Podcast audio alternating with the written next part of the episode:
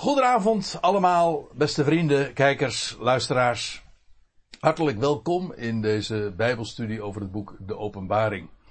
Deel 27 inmiddels. En we waren aangekomen in hoofdstuk 14 en vanavond zullen we de laatste 6, 7 versen uit dat hoofdstuk gaan bespreken. En ik heb het als kopje meegegeven, de oogst, en dat komt exact overeen met de wijze waarop ook de NBG-vertaling dit gedeelte, deze passage, benoemt en uh, hetzelfde kopje dat zij uh, aan deze versen geven. En de reden is nogal evident, omdat hier gesproken wordt over de oogst, zowel de graanoogst als over de druivenoogst. En dat zal uh, vanzelf al en al heel gauw ook helder worden waarom dat zo is, want dat is namelijk een hele bekende bijbelse metafoor voor de, de dingen die gaan plaatsvinden, juist ook in de dag van Yahweh en de dag dat Jezus Christus, de Messias, zijn, uh, zal verschijnen in deze wereld. Kortom, het onderwerp van de openbaring van Jezus Christus. Laat ik nog eventjes terugblikken op wat we de vorige keren hebben gezien. En in het algemeen de hoofdstukken 11, 12 en 13, die beschrijven de perioden van 42 maanden, 1260 dagen. Hoofdstuk 11 gaat over die twee getuigen. En hoofdstuk 12 over die vrouw die visioen. De vrouw die een mannelijke zoon baart, die dan uh, plotseling wordt weggerukt voor een naderend gevaar tot God en zijn troon. Vervolgens uh, vlucht die vrouw naar de woestijn waar ze 1260 dagen wordt bewaard en behoed en een veilig onderkomen vindt. En dan in hoofdstuk 13, daar vinden we het uh, beruchte hoofdstuk over het beest, of eigenlijk moet ik zeggen de beesten, de beide beesten uit de, de zee, de Volkerenzee, en het beest uit het land. En in alle drie deze hoofdstukken wordt de periode van Israëls grote verdrukking beschreven vanuit verschillende oogpunten. En dat betekent dat we in hoofdstuk 14, en trouwens ook het navolgende hoofdstuk, wat we de volgende keer hopen te bespreken, de, de dingen plaatsvinden die na de grote verdrukking liggen. En dat is exact ook precies uh, wat ik trouwens de vorige keer ook al heb duidelijk gemaakt. En het idee is, uh, en dat zie je ook meteen al in vers 1 van hoofdstuk 14, dat Christus staat, de Messias, op de berg Zion. Nou, dat is de plaats waar de Messias inderdaad uh, vanuit zou regeren. Jeruzalem, de stad van de grote koning. En daar staat hij.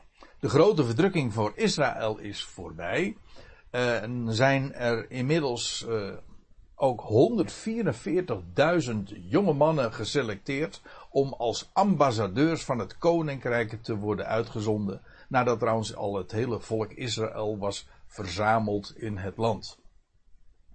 En hoofdstuk 14 en deze beschrijving in, in, van die 144.000 loopt uh, helemaal parallel met wat we ook uh, in hoofdstuk 7 aantroffen. En hoofdstuk 14 en 15 beschrijft de tijd na Israëls grote verdrukking. En voorafgaand aan de gerichten die over de aarde en over de volkerenwereld zullen komen. En die worden in deze beide hoofdstukken ook beschreven. Dat zullen we trouwens ook in hoofdstuk 15 weer vinden. In, in eerste instantie krijg je dan de beschrijving van Israël. En vervolgens de beschrijving van wat er nog met de wereld gaat gebeuren. En die, die gelaagdheid, die, dat, die, die twee fases, dat wil zeggen eerst Israël Daarna de volkerenwereld, met daartussenin liggend de verschijning van Jezus Christus op de Olijfberg. En ter verlossing van zijn volk, maar ook uh, ten gerichte van de volkerenwereld. Nou, dat is uh, het grote thema feitelijk van het boek De Openbaring, waarin Jezus Christus openbaar wordt en rechtens zijn claim zal leggen op Israël en sterker nog op heel de volkerenwereld. Want heel de volkerenwereld zal middels Israël als het kanaal waardoor dat gaat gerealiseerd worden. Uh, het deel worden van, ja, van de enige rechthebber, Jezus Christus. Yeshua ha-Mashiach. Om het op zijn Hebreeuws te zeggen. Goed. Nou, uh, wat ik wil gaan doen, als ik deze. neem me niet kwalijk.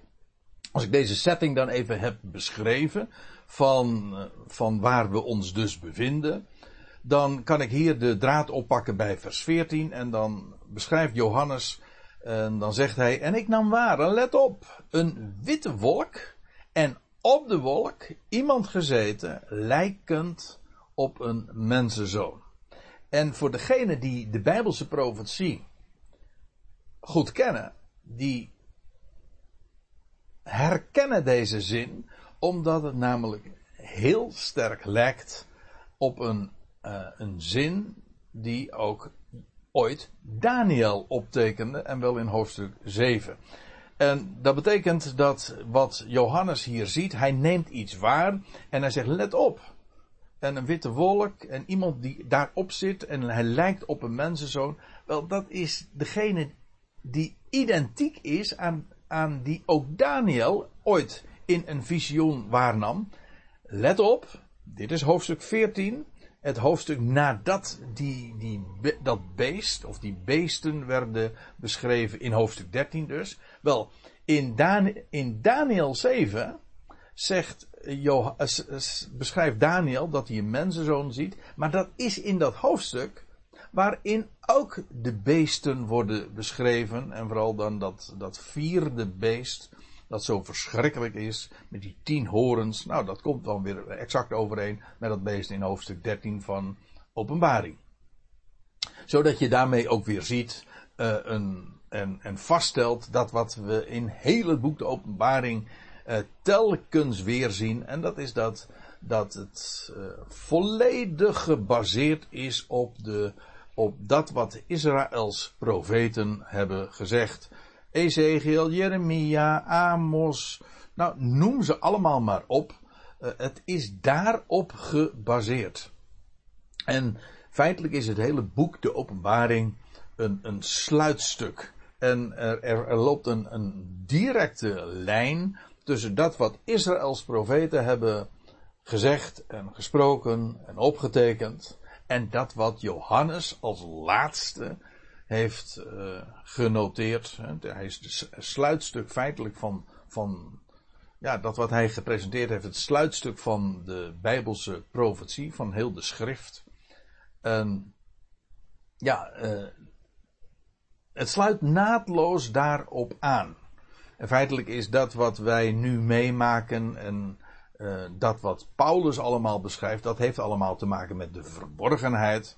En dat wat Johannes beschrijft, dat heeft te maken met de openbaring. Het boek geeft wat dat betreft uh, genoeg hints. En sterker nog, de hele titel is uh, eigenlijk al een uitleg en vertelt ons precies over in welke tijd wij dit alles moeten plaatsen en, en hoe de setting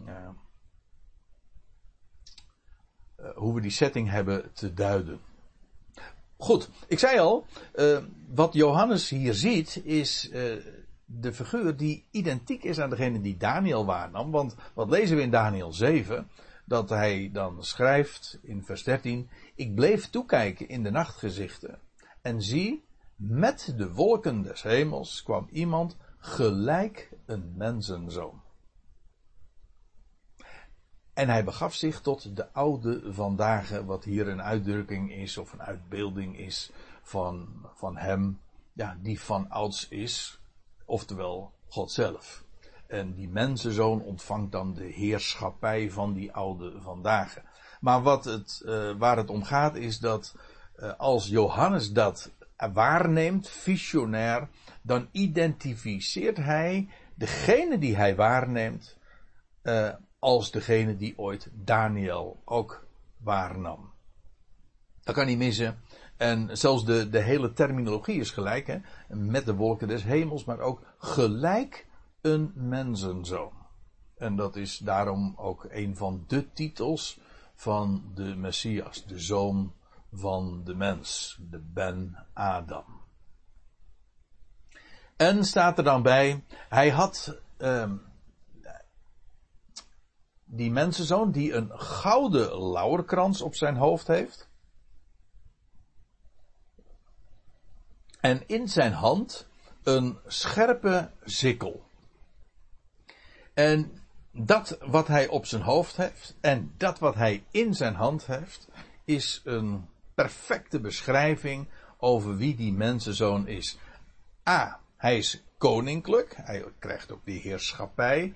Hij is ook de overwinnaar. Dat is die lauwerkrans ook. Goud heeft te maken met het feit dat het onvergankelijk is. En edel dus. Het heeft te maken met zijn waardigheid op zijn hoofd. En dat wat hij doet, hoe hij handelend optreedt, namelijk met een scherpe sikkel. En dat wil zeggen, die sikkel is een uitbeelding ja, van de oogst en hoe hij gaat maaien. En dat is in de, in de Bijbelse profetie. Ik zal straks nog genoeg voorbeelden daarvan geven. Uh, een uitbeelding van, van, uh, van, van de oogst. En van dat wat er in het einde, in het, uh, aan het einde van deze aion, van dit wereldtijdperk, gaat plaatsvinden. Dan gaat de, de seis erin, de sikkel, een scherpe sikkel, zodat er trefzeker dan ook zal worden opgetreden en gehandeld. En uh, Johannes vervolgt dan in vers 15. En een andere boodschapper, een andere, dat wil zeggen een ander dan die al eerder genoemd was in, uh, in vers 6. En er was weer een ander in vers 8 en weer een ander in vers 9. En nu uh, treedt er weer een nieuwe boodschapper, een engel, zo u wilt, angelos. En hij ging uit de tempel en schreeuwde met luide stem tot degene die gezeten was op de wolk. En die krijgt iets uh, te horen. En, en feitelijk ook een, een instructie, maar ook een aanbeveling en met luide stem, zend uw sikkel en oogst. Hoezo? Nou, want het uur om te oogsten, dat is gekomen. Omdat de oogst van de aarde uh, gedroogd is. Letterlijk staat er, uh, ja, dat staat er eh, letterlijk, in de MBG-vertaling staat is rijp geworden. Letterlijk staat er het is opgedroogd, verdord. Dus echt, uh, het is hoog tijd om nu de oogst te laten plaatsvinden. Uh, en er is een, een bepaald tijdstip om te oogsten. In feite is, het zo dat de, de feesten, de hoogtijden die Israël in de zevende maand had, te beginnen met het feest van het bazuingeschal, de tiende dag, de, de grote verzondag, Yom Kippur, en nog weer vijf dagen later een week lang uh, het Sukkotfeest, het feest van de, van de loofhutten. Dat waren allemaal feesten die gebaseerd zijn op de oogsten. Trouwens, dat gold ook al voor de, voor de hoogtijden in de eerste en de derde maand, want die waren respectievelijk gebaseerd op de gerstoogst en op de tarweoogst.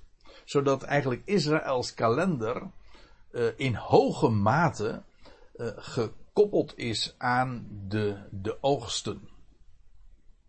En de feesten, de hoogtijden in de eerste maand hebben te maken met de eerste komst van Christus. Zijn ook letterlijk ook vervuld in zijn eerste komst. Zelfs op de dag nauwkeurig. De veertiende en op de dag van de eerstelingsschoof. En later trouwens ook de Pinksterdag. En, maar dat geldt ook voor, voor die tweede groep van feesten. De feesten, de hoogtijden in de zevende maand. En die hebben allemaal te maken met ja, de vervulling van de komst van de Messias. Vandaar ook de zeven, de voltooiing. En en, die, en dat zijn feesten van de oogst. De oogst is dan binnengehaald. Zo in augustus, september. En dan, ja, dan is, dat is het moment van de oogst. En ook dat heeft God gefixeerd aan, en gekoppeld aan een tijd. Zoals bij ons uiteraard ook de oogst gekoppeld is aan een bepaalde jaargetijde. Wel, zo geldt met, met het plan van God ook. Hij heeft een tijdstip vastgesteld dat hij eh, deze aarde gaat oogsten. En, en dat uur, dat is uh, bij deze gelegenheid nu aangebroken. Israël is op haar bestemming gekomen en nu gaat de sikkel uh, door het maaiveld. En nu gaat de oogst van de aarde plaatsvinden. De oogst is rijp. En ja, we vinden daar nogal wat verwijzingen naar, zoals ik al eerder zei in de Bijbelse profetie. Maar er is ook uh, in het Nieuwe Testament een, een, een hoofdstuk wat daar nogal uh, over spreekt met de gelijkenissen die de Heer Jezus heeft uitgesproken in Matthäus 13. En daar lees je ook uh, een tweetal gelijkenissen zelfs. Nou, eigenlijk vooral één over de, de oogst dan. En dan staat er ook van de akker is de wereld. En de oogst, staat er dan bij, is de voleinding van de aion.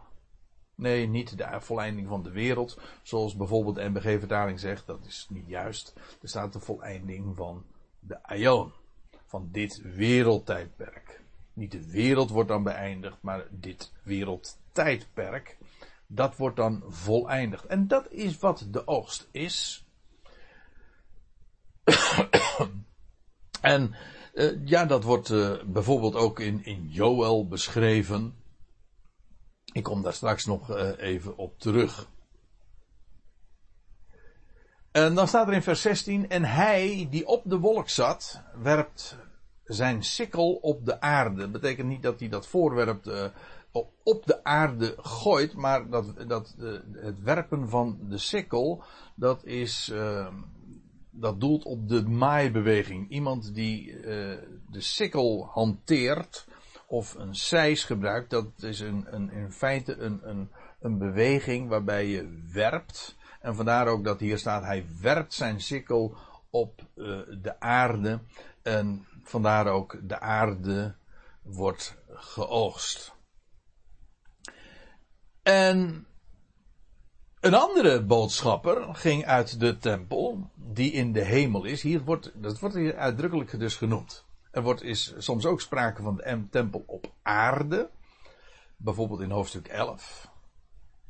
Bij het optreden van die twee getuigen. Maar hier wordt gesproken over de tempel die in de hemel is. Zodat ook daarover geen misverstand over hoeft te bestaan. En uh, die andere, uh, nog weer een andere boodschapper, die ging uh, verliet zeg maar dat hemels domein. En ook hij heeft een scherpe sikkel. Waarmee dus aangegeven is dat die, uh, niet alleen die zoon des mensen, de Ben Adam, de sikkel hanteert, maar hij heeft daarbij support. En dat vind je trouwens ook in Marcus, in Matthäus 13, waar ik al eerder naar verwees. En daar wordt er gezegd, de oost is de voleinding van de aion. En de maaiers, degene die dus ook de sikkel hanteren, ja, dat zijn de boodschappers, de engelen, die uh, uit het, uh, vanuit de hemel komen en daar ondersteuning in zullen geven. Die trouwens uh, in het boek De Openbaring sowieso een grote rol spelen. En ook als we straks in hoofdstuk 15 en 16 zijn gearriveerd, dan zullen we ook weer zien dat als die, die schalen, die violen worden leeggegoten, dan vindt dat ook weer plaats door middel van uh, hemelwezens, engelen, die, die feitelijk uh, geeft dat ook aan. Uh, dat woord is een, een, meer een functieomschrijving. Een engel kan van alle, dat kan ook een mens zijn zelfs. Hier gaat het in dit geval over hemelbewoners. Maar in feite, een engel is iemand die een boodschap doorgeeft. Of een boodschapjongen, om zo te zeggen. Iemand die om een boodschap gestuurd wordt. Iemand die iets dus uh, doet. Iemand uh, in, in Hebreeën 1 wordt, dat wordt uit de psalmen dan aangehaald wordt er gezegd, zijn zij niet allen, en dan gaat het over die engelen, zijn ze niet alle gedienstige geesten? Die worden uitgezonden om, om Gods wil te volvoeren. Ja, dat is wat een engel is. En deze, deze boodschapper heeft ook een scherpe sikkel. En een andere boodschapper, nog weer een andere, uh, die volmacht had over het vuur. Wat ook een grote rol speelt in het boek De Openbaring. En ook in verband weer met de oogst. Want hoe was het ook alweer? Ik zal dat straks ook even aanhalen als ik uh, nog wat uh, terugkom op die gelijkenis daar in Matthäus 13. Dan lees je ook dat het onkruid en, en alles wat, eh, dat wat geen koren is, ja, dat wordt allemaal verbrand. En hier, deze boodschapper heeft een speciale volmacht, een bepaalde autoriteit gekregen. Over het vuur gaat hij. En hij ging uit van het altaar. Uh,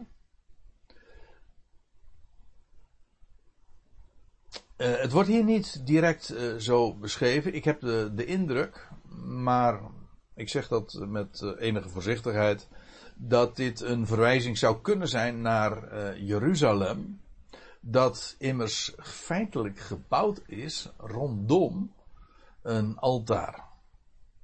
Um, uh, en eigenlijk ook, en dat is helemaal opmerkelijk, want hoe was het ook alweer? David, die ooit uh, die, uh, de, de plek van de tempel vaststelde, of in ieder geval in zijn dagen, en, en zijn zoon Salomo, die de tempel daadwerkelijk bouwde, maar dat was, uh, die, dat altaar, dat,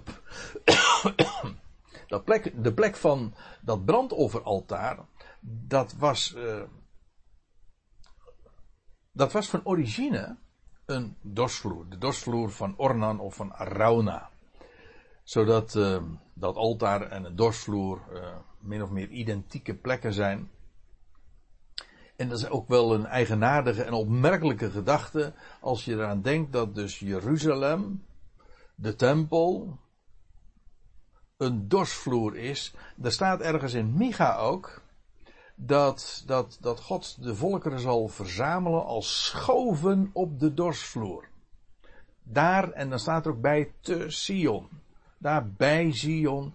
En dat komt ook omdat Jeruzalem uh, die locatie de functie vervult van, van een dorsvloer. Daar wordt dat wat geoogst is bijeengebracht.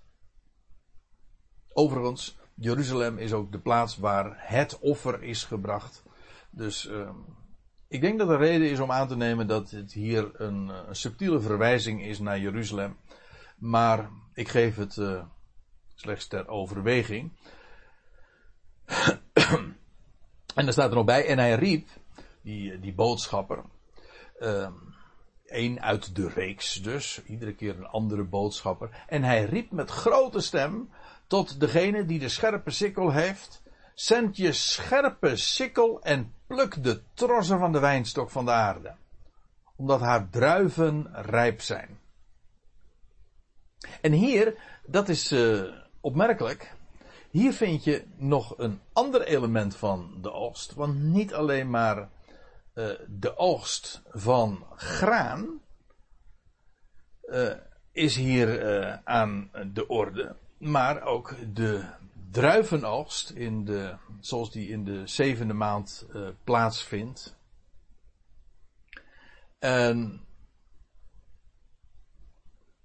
die zijn inderdaad in beide gevallen type van de wederkomst. Met name de, de oogst van de, de druiven en de wijnpersbak, dat wordt nog eens genoemd. En ik ga straks daar ook een paar voorbeelden van geven. En, ehm, en de eerste waar ik eventjes op wil wijzen, wat ik zojuist ook al even op doelde, Marcus, Matthäus 13, waar je die gelijkenis vindt van, van dat, de de tarwe die opgroeit. En dan, en dan was er de, de vijand die, die te midden van de tarwe ooit uh, vals tarwe op lei, uh, dolik had gezaaid. Dat is, dat is spul dat in eerste instantie heel erg lijkt op, uh, op tarwe. En dat je dus eigenlijk ook niet kunt verwijderen. Kijk, als, het iets heel anders is, dan zou je het eruit kunnen halen. Maar in eerste instantie zie je het verschil niet. En vandaar ook dat die, die, die landman de, de, de opdracht geeft om dat, uh, dat onkruid, die dolik, te laten opgroeien tot aan de oogst. Nou, en dan lees je uh, dat de, de Heer Jezus aan het einde van die eigen gelijkenis ook uh, zijn discipelen toelichting geeft over wat de betekenis is van die gelijkenis. Want ja, een gelijkenis is een verhaal, maar ja, als je niet weet wat, uh, wat de verschillende onderdelen van dat verhaal uh, beduiden, dan ben je nog in feite niet wijzer geworden. En je leest ook dat de Heer Jezus uitleg geeft, afzonderlijk aan zijn discipelen. En uh, dan zegt hij,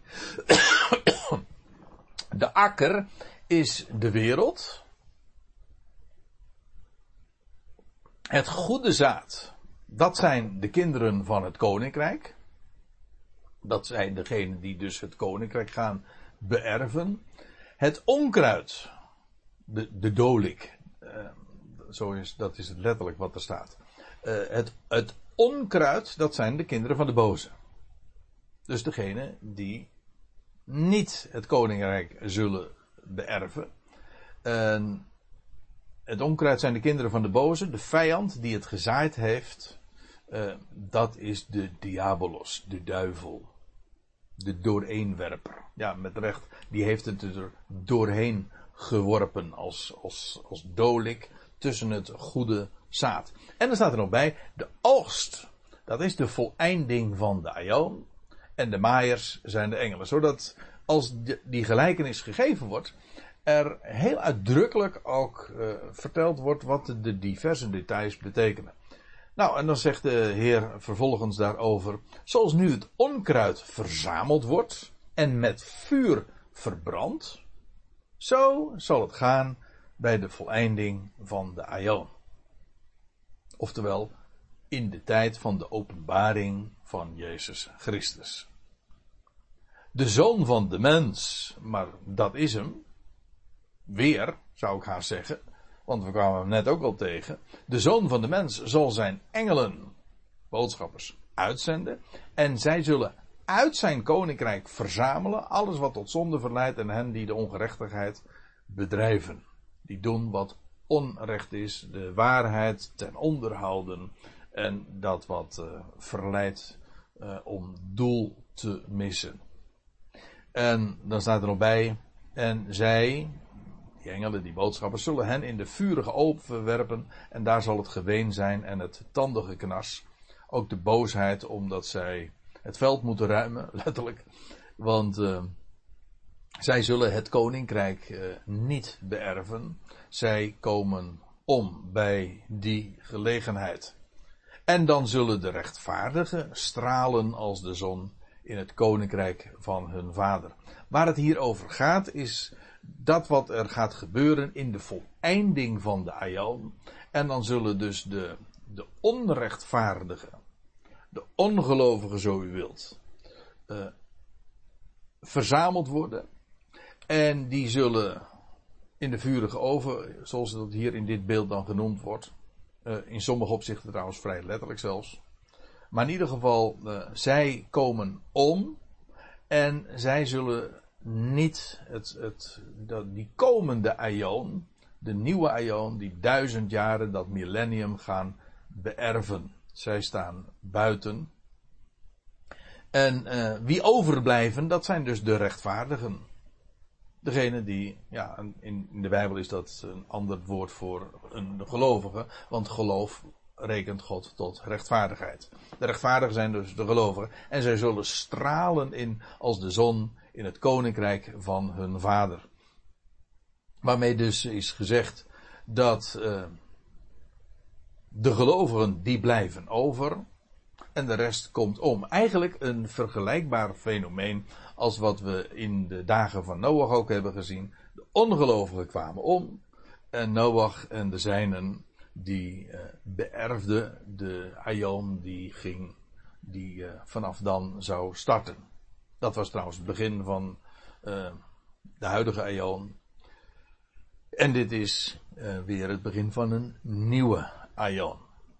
Een nieuw wereldtijdperk. Maar in beide gevallen is het dus zo dat de ongelovigen worden weggenomen en de rechtvaardigen blijven over en zij zullen het koninkrijk uh, gaan beërven. Het idee is dus in dit geval ook de, de voleinding van de Aion. Dat wordt vergeleken met een oogst. Goed. Ik ga weer even terug naar openbaring 14 en dan lees je in vers 19. En de boodschapper, die werpt uh, zijn sikkel op de aarde. Laat ik nog een voorbeeld geven. Ik, uh, ik zinspeelde zojuist al eventjes op dat, dit schriftgedeelte, Joel 3. Want uh, daar, wordt, daar wordt ook gesproken over de oogst en over de sikkel. En over dit, uh, deze tijdsframe. Want, nou let maar op, ik, ik ga nu naar Joel 3 toe. En daar lees je in vers 1 dit. Want zie, in die dagen, ook het voorgaande ging al daarover in die dagen en te dien tijden, wanneer ik, met een hoofdletter, God, een keer zal brengen in het lot van Juda. En van, je, en van Jeruzalem. De omkeer, de bekering van Juda, van het Joodse volk. En, uh, en ook uh, Jeruzalem weer.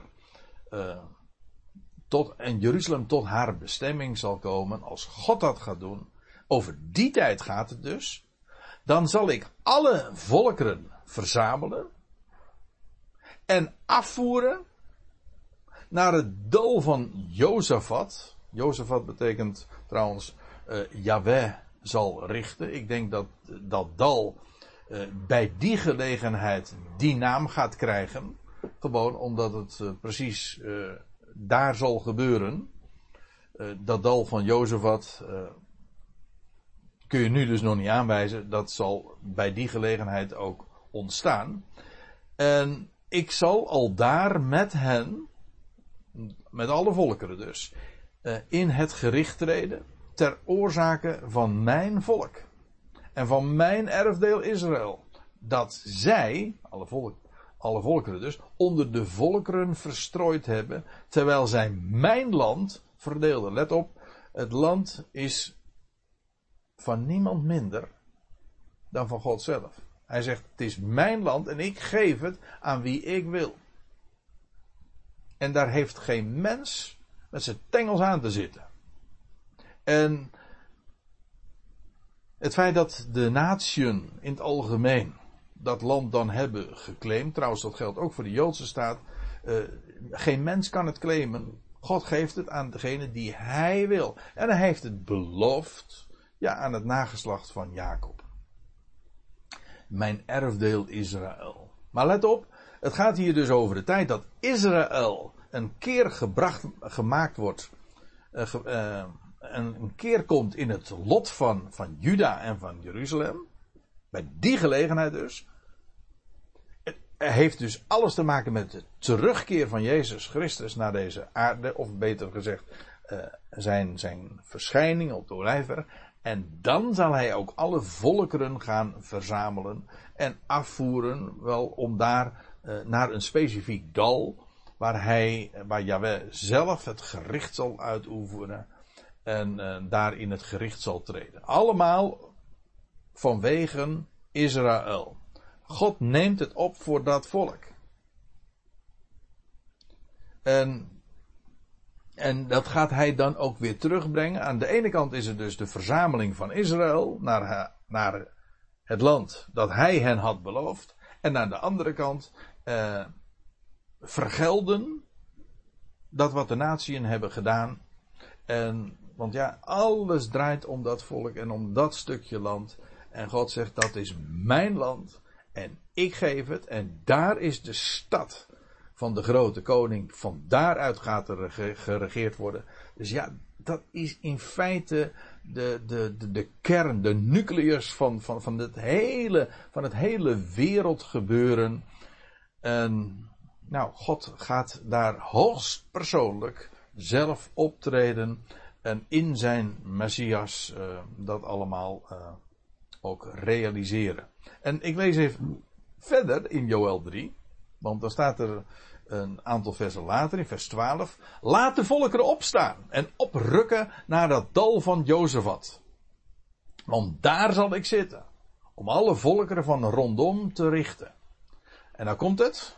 En hier heb je dus die metafoor van, van de oogst en van de sikkel. Slaat de sikkel erin, want de oogst is rijp. Herkent u de woorden die we lazen in openbaring 14? Vrijwel identiek. Slaat de sikkel erin, want de oogst is rijp. Kom, treed, want de perskuip is vol. De wijnbakken stromen over. We zullen straks aan het einde van openbaring 14 ook zien dat daar een soortgelijke term gebruikt wordt. Zodat dat opnieuw ons weer bevestigt in het gegeven dat wat Johannes optekent niets anders is dan dat waar de profeten van Israël uh, in de Tenach al over spraken. Sikkel wordt erin geslagen, ingeworpen, de oogst is rijp, de kers, perskuip is vol en de wijnbakken die stromen over. Want hun boosheid van de natieën is groot. Menigte, menigte in het dal van beslissing. Want, staat er, nabij is de dag van Yahweh in het dal van beslissing. Want dat is precies wat die dag van Yahweh ook is. Hij gaat dan in het gericht treden. Hij gaat beslissen. En menigten van natieën. In, in, in, het wordt herhaald. Menigte. Menigte. Daar in het dal van beslissing zullen daar uh, worden, worden getroffen. Het wordt, uh, en dat is heel onheilspellend, wordt dat genoemd, een perskuip die vol is en wijnbakken die overstromen.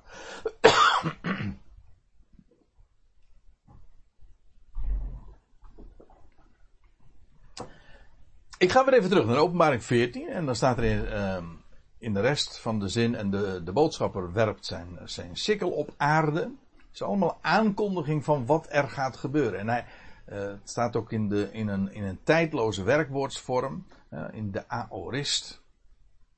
Gewoon het, het blote feit, ongeacht het tijdstip, wordt uh, beschreven. Hij plukt de wijnstok van de aarde en hij werpt ze in de perskuip van de grote toren van God. Nou, ik uh, gebruikte zojuist het woord uh, onheilspellend. dat is ook dit. als er één hoofdstuk ook in het boek Openbaring is, waarin met name dit ook benadrukt wordt, over hoe God op het moment uh, dat de oogst uh, rijp is en de sikkel uh, in het koren wordt geslagen en de perskuip getreden wordt, ja, dan is, dat, dan is er sprake van de grote toren van God. Dat hij gaat gericht oefenen. Hij pikt het niet wanneer ze aan zijn land en zijn volk zitten. En dan treedt hij voor hen in de bres.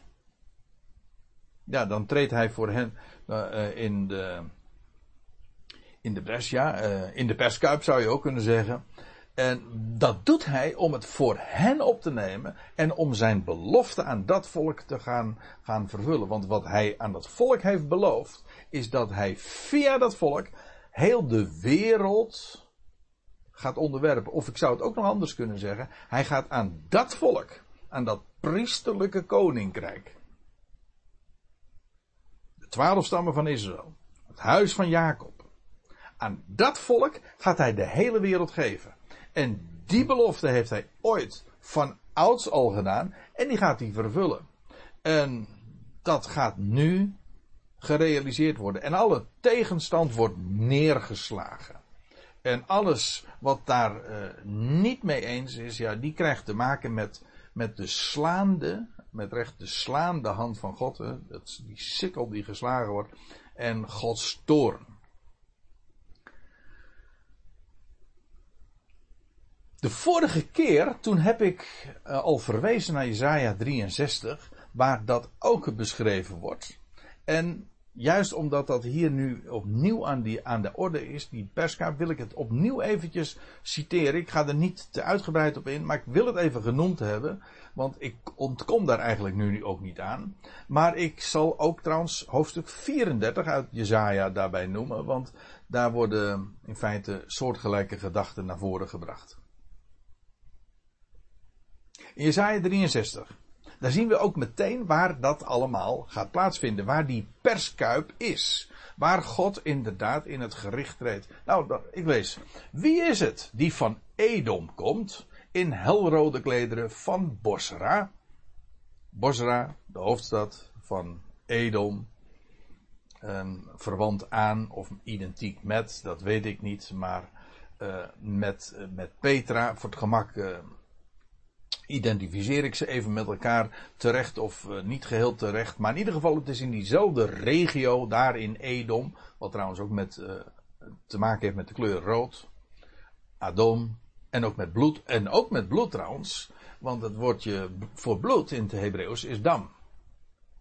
En Adom, dat is rood. En het woord voor mens is Adam. En het woord voor aarde is Adama. Het heeft alles met elkaar te maken. Het heeft allemaal diezelfde, wortel, diezelfde roots. Maar in ieder geval, uh, hier wordt gesproken over degene die, die in helrode klederen van Bosra komt en van Edom komt. En die daar praalt in zijn gewaad en vier voortschrijdt in zijn grote kracht. Uh, gaat hier over iemand die voortvarend optreedt en die zich door niets laat tegenhouden en die energiek en vier uh, voortschrijdt in geweldige kracht. Ik ben het. Uh, die in rechtvaardigheid spreekt. Dat wil zeggen, God zegt, ik doe recht. Ik ga mijn belofte vervullen. En ik ga dat doen ondanks alle tegenstand. En de tegenstand zij die dit niet believen, wel die zullen, eh, zij die dat niet willen horen, wel die zullen het voelen. En daarom, uh, hij zegt er ook bij, ik ben uh, die in rechtvaardigheid spreekt, maar ook machtig om te redden. En dan is de vraag, waarom is uw gewaad rood? En uw klederen als een die de wijnpers treedt. Moet je je voorstellen, je, zo'n wijn, zo'n ouderwetse wijnpersbak. Daar werden al die druiven in gegooid. En dan, uh, en dan werd de, de wijnpers getreden om al die druiven, zeg maar, uh, ja, om, om de inhoud daarvan uh, op te vangen. En ja, iemand die dat deed, ja, die werd natuurlijk bloedrood van die, van al die, van die wijnvlekken en van dat, van die, van dat wat op de klederen gespat was. Ik alleen is dan het antwoord. Ik alleen trad de wijnpers. En van de volkeren was niemand bij mij. Ik trad hen in mijn toren van de volkeren. En ik vertreed hen in mijn woede. En hun bloed spatte op mijn klederen. En ik bezoedelde helemaal mijn gewaad. Zo zie je dat, dat die, die wijn uh, en dat, dat spatten van, van die druiven. Dat uh, de associatie uh, wordt gemaakt met, met bloed. En het is een bloedbad. Ik zal, ik kom daar straks trouwens nog even op terug. Um, en, en, en de Heer die hier optreedt, hij zegt: Ik bezoedelde heel mijn, mijn gewaad. Omdat ik een dag van wraak in mijn hart had. En het jaar van mijn verlossing is gekomen. Kort en kordaat. En in snelheid wordt zijn, de wraak geoefend omdat het jaar van verlossing is gekomen. Let ook op die verhouding die geweldig is. Goed. Dat is Jezaja 63. waarbij we ook weten dat dus uh, die, die wijnpersbak daar in, uh, in Edom ligt. Daar helemaal ten zuiden van Israël, ten zuiden van Jeruzalem. Ik zal straks ook dat op een kaartje tonen. En, maar ik neem u eerst nog even mee naar Jezaja 34.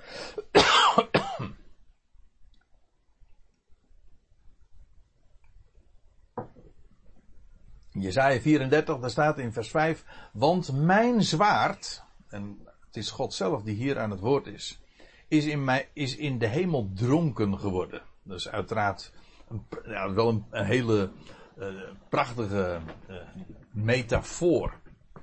Dat we zeggen, die zwaard dat, dat, die gaat uh, als het ware roekeloos en heel gevaarlijk wordt daarmee ge, gezwaaid. Met andere woorden, kom niet in aanraking met dat zwaard, want dat wordt nou ja, zoals hier beschreven wordt, mijn zwaard is in de hemel dronken geworden.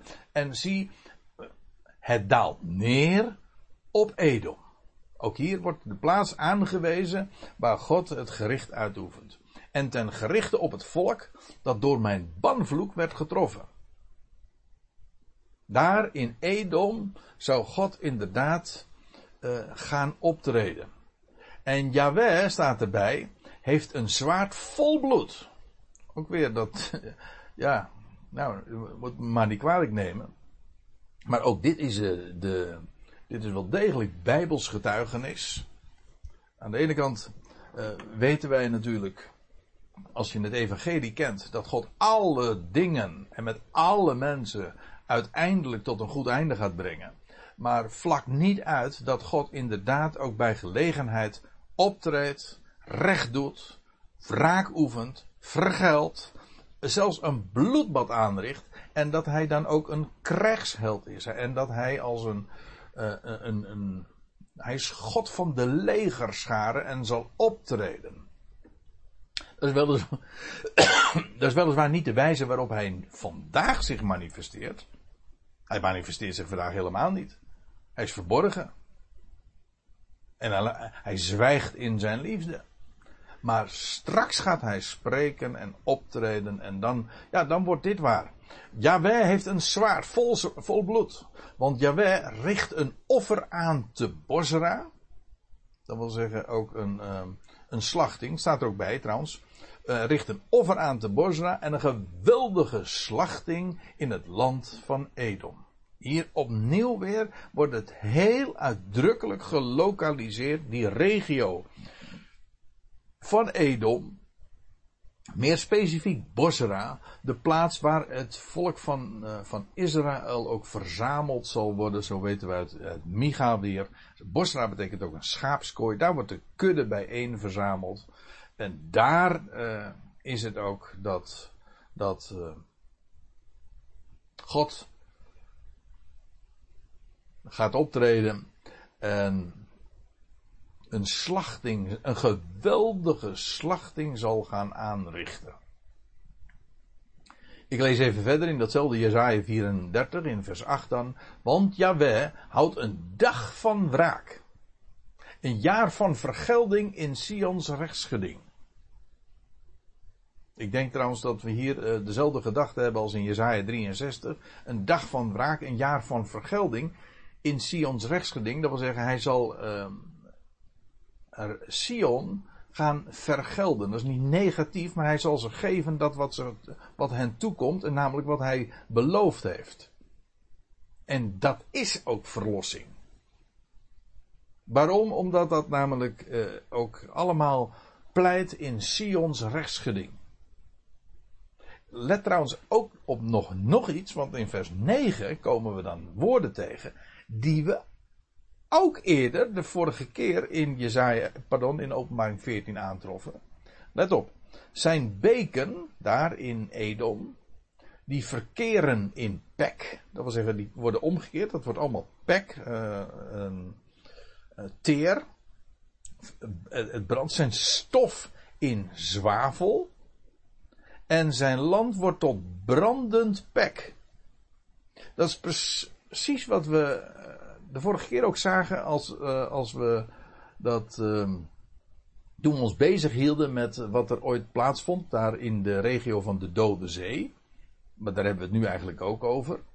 Edom ligt eigenlijk ten zuiden daarvan. Maar het is diezelfde streek ten zuiden van Jeruzalem. Waar ooit zwavel en het vuur regende. En waar die steden van Sodom en Gomorra uh, in rook opgingen.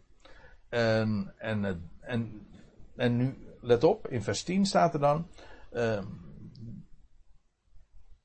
dat dag nog nacht uitgaat. Dus die, die, die regio van Edom, dat, uh, dat wordt veranderd in zwavel, in brandend pek.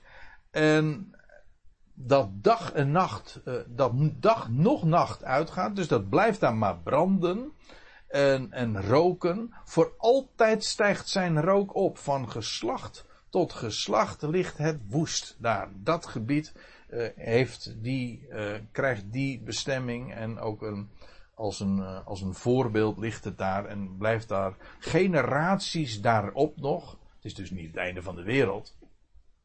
Nee, dit gaat over de toekomende Aion zal daar dat gebied van Edom dus woest liggen generaties lang. En daar zal rook opstijgen, dag en nacht zal dat. Uh, dat zal niet uitgaan. En, maar dat is precies wat we ook lazen in Openbaring 14, vers 11, waar ik trouwens de vorige keer niet op gewezen heb. Maar wat daar in Openbaring 14 staat, dat is even nog ter aanvulling. Dat is dus wel degelijk ook weer een commentaar op en wordt gerefereerd aan Jezaja 34. Dat mag je niet ontgaan. En het is heel concreet ook. Dat is iets wat mij telkens weer enorm frappeert en opvalt. Dat wanneer je het boek De Openbaring leest, er is veel beeldspraak, zeker. Uh, veel metaforen, veel symboliek. Aan de andere kant is het ook buitengewoon concreet. En de plaatsen worden aangewezen. En in dit geval ook Sion en Edom en Bosra. Ze worden benoemd, ze worden aangewezen. Daar gaat dat plaatsvinden. En dan komen we in, ehm, in eh, vers 20 van Openbaring 14. En dan staat er: En de perskuip wordt buiten de stad getreden. De stad? Welke stad? Nou, dat is niet zo moeilijk. Uh, dat is natuurlijk Jeruzalem dat die perskuip wordt niet in Jeruzalem, maar buiten de stad getreden. En dat is namelijk in het gebied van Edom. En ik heb hier even een landkaartje uh, afgebeeld. En dan zie je dat ook. Waar bij die rode ster is dan Jeruzalem. En ten zuidoosten daarvan heb je de Dode Zee. En nog weer uh, daaronder, uh, tot aan de, de golf van, uh, van Eilat, heb je daar het gebied van Edom. Is in werkelijkheid nog wat uitgestrekter en het gaat nog meer zuidwaarts. Maar hier in deze streek, eigenlijk ergens halverwege de dode, het zuiden van de Dode Zee en het noorden van, of en Eilat zeg maar, daar vind je, daar heb je Bosra, en, en daar, in dat gebied, daar is de perskuip, daar is dat dal van Jozefat, daar wordt het gericht gehouden. En allemaal omdat God het opneemt voor zijn volk. Ik bedoel, zowel in Jesaja 63 als in Jesaja 34 als in Joel 3 wordt dat als motief ook opgegeven Namelijk, God neemt het op voor zijn volk en voor de belofte die hij aan hen heeft gegeven. En dat gaat hij nu vervullen. En iedereen die het er niet mee eens is, nou, die heeft het nakijken. En er wordt een, een, boodschap in die dagen ook gepredikt door die, die 144.000. Er, er gaat een, een krachtige getuigenis uit. En ieder die zich eraan wil onderwerpen, die wordt uh, daarvoor welkom geheten. Er gaat een, een, goed bericht uit van het koninkrijk. Maar iedereen die daar dus niet zich in wil schikken, nou, die, uh, ja, eventjes heel plat gezegd, die heeft pech. Want die zal, die zal met recht het veld ruimen. En die komt, die wordt van de akker gehaald, de wereld. En die, die komt in de vurige oven terecht. En dat is natuurlijk beeldspraak, dat weet ik en dat begrijp ik. En tegelijkertijd uh, is die beeldspraak toch uh, ook weer eng concreet, omdat het te maken heeft met, met zelfs uh, ja, die, die Sodom en Gomorra-achtige taferelen die daar ten zuiden van, daar, van het Joodse land zullen gaan plaatsvinden. Heel concreet wordt dat zo beschreven.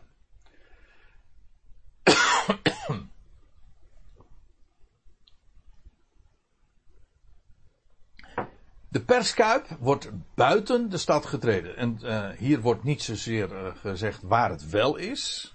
Er wordt eigenlijk vooral gezegd waar het niet is, namelijk niet in de stad. Maar we weten dus uh, waar die perskuip is. Dat is namelijk in Edom. Want daar, degene die naar de perskuip treedt, ja, die, die komt van Edom en die komt van Bosra. Daar, daar vindt dat plaats. En er komt bloed uit de perskuip. Hier weer die merkwaardige verwisseling van aan de ene kant druivensap en, en bloed. En, um, dat lijkt op elkaar. En de associatie ligt zo voor het oprapen. En in in feite is het ook een beetje vergelijkbaar met ons woord bloedbad.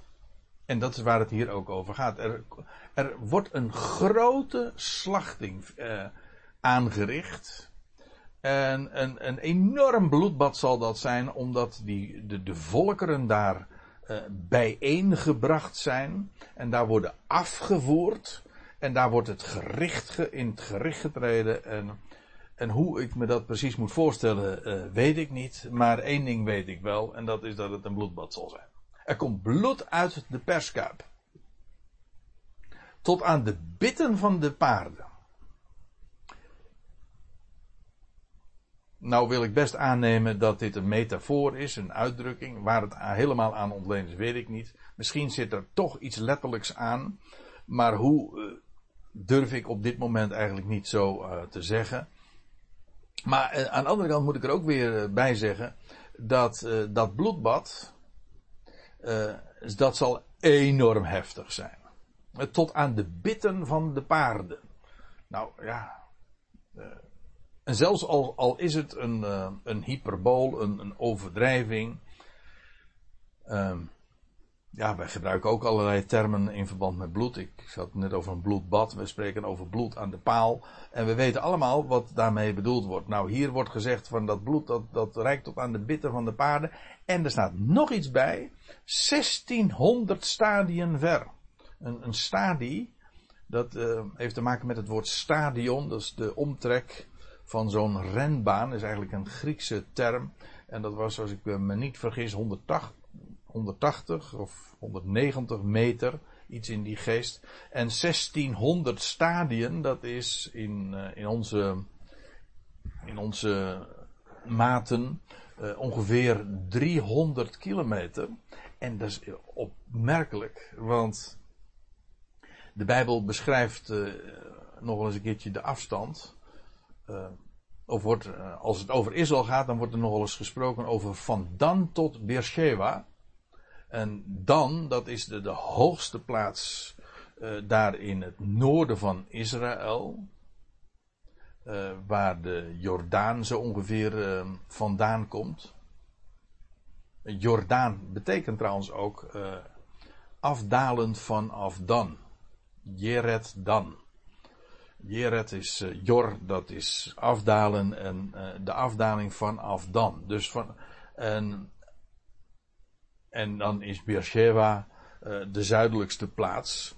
Maar hier wordt niet gesproken over Beersheba, maar over Bosra. En die afstand is inderdaad 300 kilometer. 1600 stadia. Met andere woorden, waar hierover gesproken wordt, er wordt een, een bloedbad aangericht, daar in Edom, maar dat bloedbad zal op de een of andere wijze rijken tot aan het noorden van Israël. Verder durf ik het niet in te vullen. Maar de enige manier is uh, waarop ik dit uh, kan verstaan, is dat het een enorm bloedbad zal zijn. Een slachting waarbij de volkeren niet gespaard zullen worden. De volkeren die dus zich keren tegen Jawel, zijn plan en zijn volk.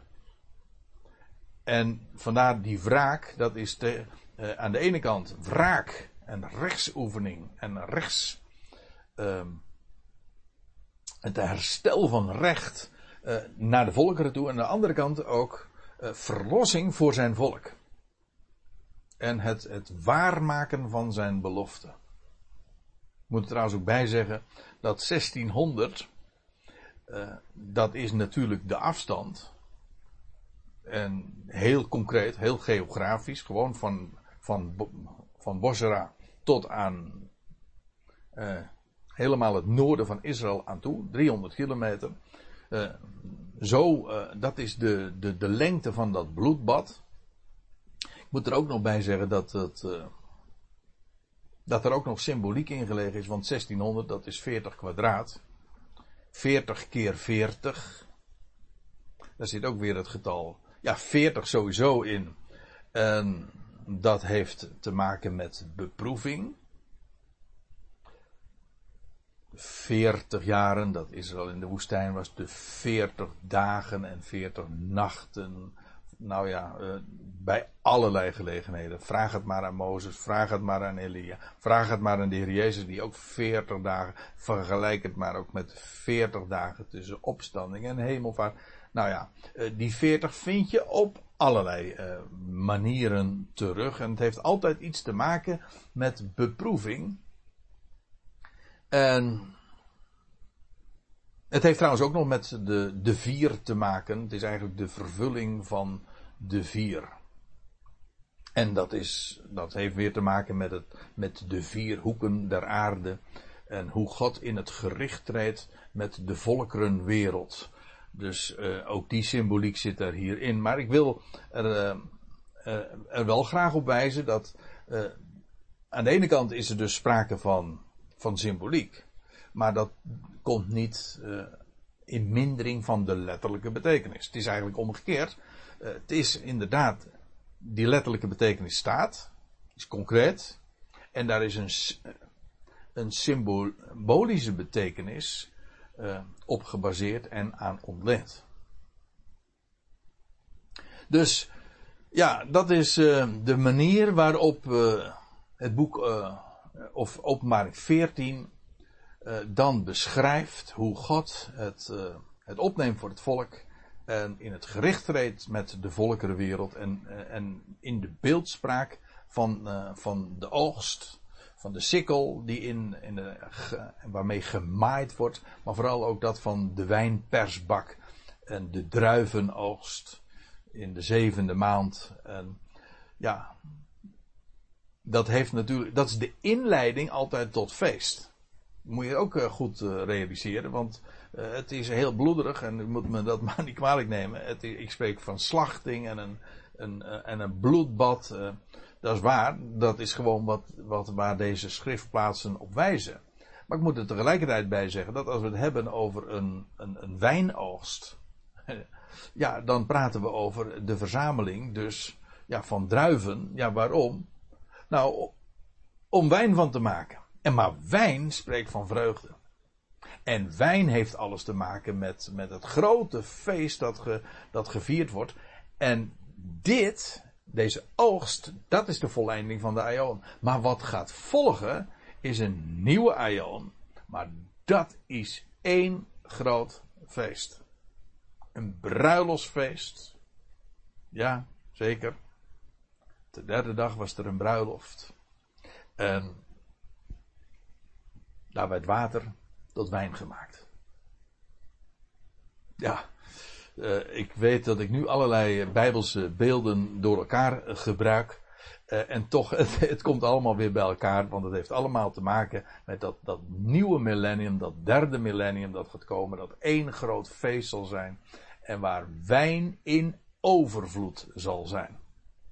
Wel, uh, de inleiding voor dat feest en voor dat, voor, voor het, uh, dat, dat de wijn gedronken gaat worden. Wel, eerst uh, zal inderdaad, zullen de druiven verzameld worden en dat is waar het hier over gaat. Dus een noodzakelijke introductie.